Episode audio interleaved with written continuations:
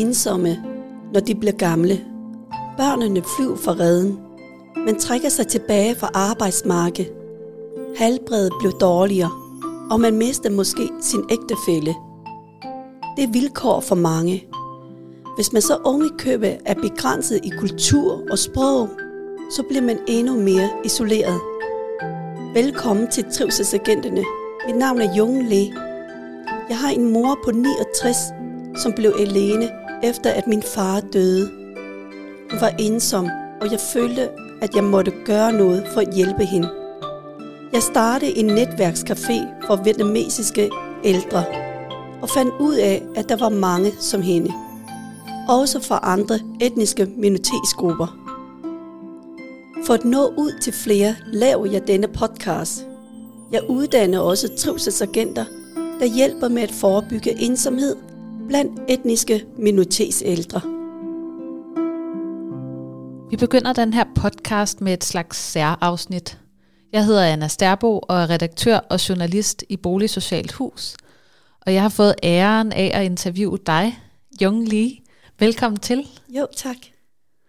Det er dig, der er hovedet bag den her podcast, og du er stifter af foreningen Vi Senior. Ja. Der uddanner trivselsagenter med at forebygge øh, ensomhed blandt etniske minoritetsældre.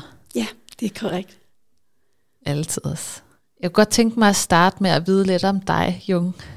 Øhm, hvad er din baggrund? Min, øh, altså jeg kommer oprindeligt fra Vietnam. Jeg kom hertil, da jeg var syv år gammel, øh, som bådflygtning sammen med mine forældre. Og så er jeg uddannet kandidat i pædagogik. Og bor du her i Odense, eller hvordan? Nej, jeg bor i Aarhus. Det har jeg gjort det meste af mit liv. Øh, Jeg kom her til Odense, fordi at jeg skulle starte trivselsagenter op i, i Odense. Ja. Ja. Og øhm, lad os starte med, med det, altså foreningen Vi Senior. Hvorfor har du startet den? Øhm, Jeg startede i år 2016, fordi jeg har en mor på 69. Hun blev alene efter, at min far døde på det tidspunkt. Og, og der var børn også fløjet fra redden. Hun trak sig tilbage fra arbejdsmarkedet og havde ikke noget at stå op til. Så hun var meget ensom, og jeg følte, at jeg, jeg måtte gøre noget for at hjælpe hende. Jeg fandt så ud af, da jeg arbejdede med hende, at der var mange andre i samme båd, øh, og det var de vietnamesiske ældre, som jeg samlede. Hvordan vidste du, at hun var ensom? Var det noget, hun sådan satte ord på? Nej, men jeg kan jo bare se, at dag ud og dag ind, der er hun jo bare hjemme. Fordi at, øh, hvad skal hun ud for? Der er jo ikke noget, der venter. Der er ikke noget at vågne op til. Og hun kommer ikke ud med mindre, at hun har en anledning til at gå ud. Øh, og især her, for eksempel her om vinteren, hvor det er koldt, og det er vådt, og det kan være glat, øh, så kan hun være endnu bange for at komme udenfor. Så der skal vel ligesom være noget, der trækker, for at hun kommer ud. I til hverdag, så har jeg ikke så meget tid til at komme og besøge hende. Så når jeg ringer for eksempel øh, og spørger, hvordan har du det, mor? Så siger hun, jeg har det okay. Men når jeg så spørger, hvad laver du? Så siger hun, jamen jeg er bare hjemme og ser iPad. Og det, sådan er hendes hverdag. Og var hun altså tilfreds med det liv, eller satte hun også ord på, at hun gerne ville noget andet? Eller? Nej, det, øh, min mor fortæller ikke, at der er noget andet, hun vil, fordi hun ved ikke, hvad det andet sku- alternativ skulle være. Øh, Så det er noget, som jeg ser, at der kun, det liv kunne være bedre, at jeg følte, at jeg måtte gøre noget. Men mor satte ikke ord på det. Og efterhånden, som hun levede på den måde, så vender hun så også sig til, at sådan er hendes hverdag. Og så accepterer man det bare. Ja. Og hvordan kom du så fra altså din mors ensomhed over til at skabe fællesskaber for andre som hende? Ja, men jeg, øh, da, jeg, da jeg så snakkede med min mor, så fandt jeg ud af, at øh, der var flere andre vietnamesiske ældre, der var i samme situation, hvor de var enlige. I starten, da vi samlede dem, så var der syv. Kort efter, så kom der flere til.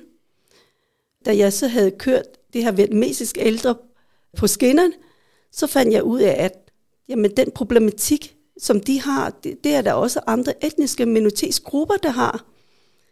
Hvordan fandt du ud af det? Dels så har jeg arbejdet med det før. Jeg har haft et projekt, der hedder Rumlig Ældrepleje. Det var mit første job efter universitetet, hvor jeg arbejdede på Social- og Sundhedsskolen som udviklingskonsulent på det tidspunkt. Der var jeg ude og talt med nogle ældre, og fandt ud af, at der var mange, som ikke kunne gøre brug af de eksisterende tilbud, der er for ældre, fordi de er begrænset både kulturelt, men også sprogligt. Og det gælder ikke kun tilbud, aktivitetstilbud, det gælder også i forhold til pleje. Det lyder som om, at altså alt det her med din mor, det er jo noget, du har observeret på en eller anden måde som privatperson. Og så har du samtidig et, øh, spor, der er sådan er din, dit øh, professionelle liv, og så er det på en eller anden måde smeltet sammen. Ja, det er korrekt. Det er rigtigt. Altså jeg havde, altså som, som jeg fortalte, så har jeg allerede arbejdet med etniske minoritets ældre som det første projekt i år 2009, og har været ude og lave den her undersøgelse og talt med mange ældre etniske minoriteter. Og den viden, den har man med sig. Og så da min mor øh, mistede min far og stod alene, så tænkte jeg, jamen, hvordan kan jeg bruge den viden, jeg har, og den situation, som jeg står i, hvordan kan jeg få det at, øh, til at gå op i en høj enhed.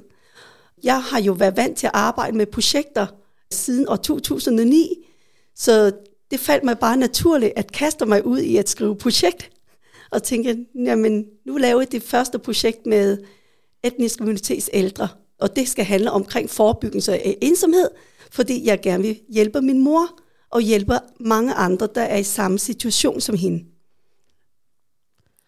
Hvordan ser vi senior ud i dag? Altså, hvad er det for en forening, hvad laver I, og hvad, hvad har du ligesom skabt? Ja, vi senior, grunden til det hed vi senior, det er også fordi, at på det tidspunkt, så stod det for en, egentlig en forkortelse af vietnamesiske seniorer. Men jeg tænker, at det skal også have et øh, fremtidsperspektiv, fordi hvis nu vi engang blev, kan udvide det, så skal vi også kunne sige, vi senior, at man, at man har det her samhørighed med andre seniorer. Og det passer perfekt, da vi så i år 2019 øh, fik mulighed for at udbrede konceptet til at også at omfatte andre etniske minoritetsgrupper. Øh, først i Aarhus, og så derefter med Velux Fondens støtte, kunne brede de ud til andre byer. En del af det arbejde, det er, at du uddanner øh, trivselsagenter. Ja. Kan du fortælle lidt om, hvad er en trivselsagent? Ja, en trivselsagent er en frivillig, og gerne med en tosprog baggrund, ligesom mig, der både behersker dansk øh, kultur, sprog, men også sit eget sprog og kultur. Og det valgte jeg, fordi at jeg fandt ud af øh, i mit arbejde med vietnamesisk ældre, at for at hjælpe andre øh, etniske minoritets ældre, så er det vigtigt, at man et har en kulturforståelse, to har et sprog, man taler de ældres sprog for at nå dem, tre at man har et netværk i sit lokalt område. Det er de tre ting, der er meget vigtigt i forhold til at kunne øh, nå ud til dem, og også øh, møde dem i øjenhøjde. Og hvad er det så, de her trivselsagenter øh, kan skabe, når de sådan har været på en uddannelse øh, hos dig? Hvad, hvad sker der så? Ja, selve uddannelsesprogrammet det består af syv gange, hvor de kommer igennem forskellige temaer. De mødes øh, syv uger i træk, for eksempel hver tirsdag i syv uger. Og på hver tema, så er der et emne. Det kan for eksempel handle omkring at forstå projektets baggrund og mål og formål. Det næste kunne være sundhedsbegreber. Hvad er det for et sundhedsbegreb, vi arbejder ud fra? Hvad er det, vi læner os op ad? Hvad er vores rolle i det her, i forhold til det her sundhedsbegreb? Hvor er det, vi har vores styrke i forhold til det her? Og så handler det også om sundhedspædagogik. Hvordan arbejder vi pædagogisk i et sundhedsperspektiv? Øh, hvordan er de ældre som målgruppe? Og så handler det også om at give dem et redskab til at arbejde systematisk med indsats, så man ikke laver de samme fejltagelser, men at man ligesom øh, bliver bedre og bedre for hver gang, man øh, for, øh, laver et forsøg. Så det er det tema, vi øh, kommer igennem, og når de så er færdige, så fejrer vi deres milepæl med en diplom og for også at anerkende den indsats, de har bidraget med. Og så dernæst, så handler det om, hvordan arbejder vi så fremadrettet og planlægger, hvornår skal vi holde informationsmøde for den primære målgruppe, hvor skal de holdes, hvordan skal de holdes, hvad med invitation og så videre. Så ja, så kommer vi øh, planlægger vi i meget meget detaljeret program for det. Og er det rigtigt forstået, at mange af de her mennesker, som har været med på det kursus, ender med selv at have etableret nogle fællesskaber forskellige steder, blandt andet her i Odense? Ja, det er rigtigt. Når de er færdige med kurset så, og etablerer deres eget fællesskab, så fungerer de enten som selvstændig øh, netværk eller forening. Hvis man ikke kan overskue at starte forening op, fordi det kræver forskellige ting, så kan man bare starte med at fungere som et netværk først. Og så derefter, så kan man tegne CVR, oprette nem konto og øh, lave vedtægter og så videre og så videre. Men hvis ikke man kan gennemskue det, øh, overskue det lige i starten, så starter man bare med at skabe et netværk. Det handler bare om at øh, smide, mens jern er varm, og ja, komme i gang med det samme, så man ikke øh, mister motivation og øh, øh, alt det, man har lært. Du har fortalt mig tidligere, når vi har talt sammen, at der findes sådan et vietnamesisk begreb, som har en særlig betydning for dig og for foreningen. Jeg er ikke helt sikker på, at jeg udtaler det rigtigt. Det hedder hiu. Ja. Hvad er hiu? Jamen, hiu er et øh, begreb på vietnamesisk, som henviser til den ære, respekt og taknemmelighed, samt ikke mindst pligt og ansvar, som man har over for sine forældre. Og det er noget, vi som børn er opdraget med. Det går simpelthen øh, fra generation til generation gennem børneopdragelse. Og det er noget, du finder i bøger, øh, digte, ordsprog, historier og ikke mindst sange. Der findes mange sange, lige så mange sange, som der er om kærlighed og krig, så er der sange om hiv, om det at ære sine forældre. Øh, og det betyder, at det er sådan noget, man er vokset op med. Hvordan kommer det til udtryk sådan i kulturen? Kan man se det på nogen måde? Ja, det kan man. Det betyder, at man som børn er meget opmærksom på at tage vare på sine forældre, lige så snart man er i stand til det. Øh, det betyder, at man gengælder dine for, altså, vi siger, at ens forældre har brugt tid på dig, har, har gjort det, de kan for at give dig en god opvækst. Lige så snart du kan gøre det, du gengælder den, øh, det om, den omsorg til dem. Og det er for eksempel også det, som jeg gør, når jeg for eksempel har blik for min mor, og tænker, jamen jeg kan ikke have, at hun er ensom på den måde, uden at jeg handler på det. Det vil give mig så meget dårlig samvittighed. Og jeg tænkte, det, det vil jeg ikke kunne leve med. Det vil jeg ikke tage med i graven. Det er også det, der gør, at jeg for eksempel kaster mig ud i det. I Vietnam, hvis jeg havde boet i Vietnam, så kan det være, at jeg har hjulpet hende på en anden måde. Så kan det være, at man hjælper mere økonomisk, fordi at hun øh, ikke er, er isoleret på samme måde i Vietnam. Så er, så er det bare en anden form for omsorg og hjælp, man yder, og ikke det samme som i Danmark. Du har fortalt mig, at der også findes øh, et lignende øh, ord på andre sprog eller i andre kulturer. Er det ja, rigtigt? Ja. ja, det er rigtigt. Jamen, øh, fordi at det her, det, det her hive-begreb, det fylder meget, og så var der et tidspunkt, hvor jeg underviste et hold, og så spurgte jeg dem, så blev jeg bare nysgerrig. øh, så, sagde, så spurgte jeg dem, kan vide, om I også har sådan et begreb på jeres sprog? Og jeg forklarer dem, hvad er det for et begreb? Hvad indbefatter det? Og så var der nogen af dem, der siger, ja, det er der. Øh, på arabisk og somalisk hed de wajib. Og så spurgte jeg, jamen, øh, hvad, hvad ligger der i wajib? Jamen, det ligger det samme, at man skal ære og respektere og være taknemmelig for de ældre, og man skal tage sig af de ældre, øh, uanset om det er ens eget, eller om det er ens nabo, så viser man dem, dem den ære og respekt. Og så findes de også på pakistansk og på tyrkisk. Det lyder som et ord, der rummer utrolig meget. Ja, der rummer meget. Det er ikke et ord, der findes på dansk. Altså, jeg har ikke stødt på det i hvert fald. Øh, jeg kender det heller ikke. Nej, det gør jeg ikke. Øh, og jeg tror også, det er fordi, at det danske samfund er skruet lidt anderledes sammen. Øh, her i Danmark, der har man velfærdssystemet til at tage sig af borgerne. Og derfor påhvile det, det ansvar og det pligt ikke på børnene. Man er borger i Danmark, og man betaler til fællesskabet, og når man bliver ældre, så er det også staten, der tager sig af en. I Vietnam for eksempel, hvor man ikke har velfærdssystemet, der er det vigtigt, at man tager sig af hinanden. Øh, og der er det vigtigt, at man opdrager børnene til at kunne tage vare på en, når de så er i stand til det. Og det er det, der får øh, hjulene til at køre.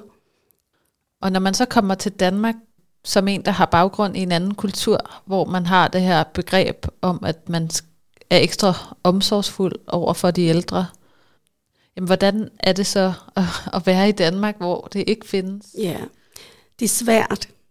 Jeg synes, begrebet hiv, det er nogle værdier, som jeg synes, øh, jeg værdsætter rigtig meget. Fordi jeg synes, der ligger meget kærlighed i det også. Og selvfølgelig skal man ære og respektere og vise taknemmelighed for de ældre.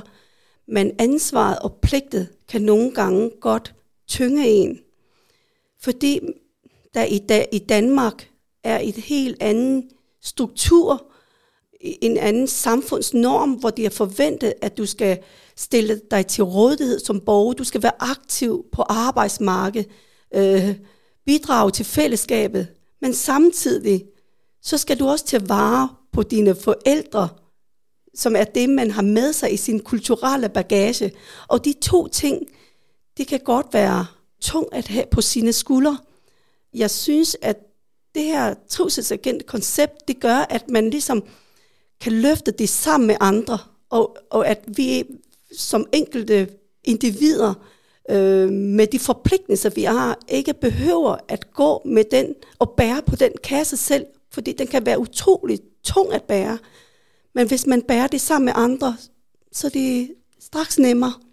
Jeg kunne forestille mig, at der også er ældre derude, som ikke... Øh, Altså det kan godt være, at man kommer fra en kultur, hvor man har det her begreb, men det er jo ikke alle, der har efterkommere til at tage sig af en. Og så får de en mulighed for at, at, at få et sted at gå hen. Et fællesskab. Ja, lige præcis. Og jeg synes, det som, som man kan i Danmark, øh, med de muligheder, man har, det er også, at man ikke blot hjælper sine egne forældre, men man har gennem foreningslivet mulighed for at løfte også mange andre, og blandt andet også dem, der ikke har pårørende tæt på. Så på den måde, så skal man øh, virkelig øh, benytte sig af de muligheder, man har, og tænke på, hvordan kan man bruge de her gode værdier, man har, man løfter de i dansk øh, kontekst. På den måde så kommer hjælpe meget længere ud. Smukt. Nu skal vi jo lave den her podcast, som udkommer lige om lidt, forhåbentlig. Hvad håber du, der kommer ud af det her podcastprogram om trivselsagenterne? Jamen, jeg håber, at det kan skabe opmærksomhed omkring den enorme indsats, som trivselsagenterne de bidrager med i samfundet. Og jeg håber også, at øh, podcasten også når ud til pårørende. Det kan være en datter, en søn, der ligesom mig har en bekymring for ens forældre. Man er på arbejde, man har ikke tid til dem i en almindelig travl hverdag. At man ligesom har et sted, hvor man kan sige, jamen, der er mine, øh, min mor, min far i gode hænder. Øh, der hygger de sig med nogen. Og så tror jeg, at de gør det nemmere at være. Tak fordi jeg måtte få lov at interviewe dig, Jung. Øh, og tak for din historie. Jeg glæder mig personligt rigtig meget til at lytte med næste gang, hvor det er dig, der får besøg af Mumtas, som ja. er trivselsagent. Mm, det glæder jeg mig til. Tak, tak for nu. Tak fordi jeg må komme. Du har lyttet til Trivselsagenterne. Mit navn er Anna Stærbo. Podcasten er produceret i samarbejde med Boligsocialt Hus. Tak fordi du lytter med.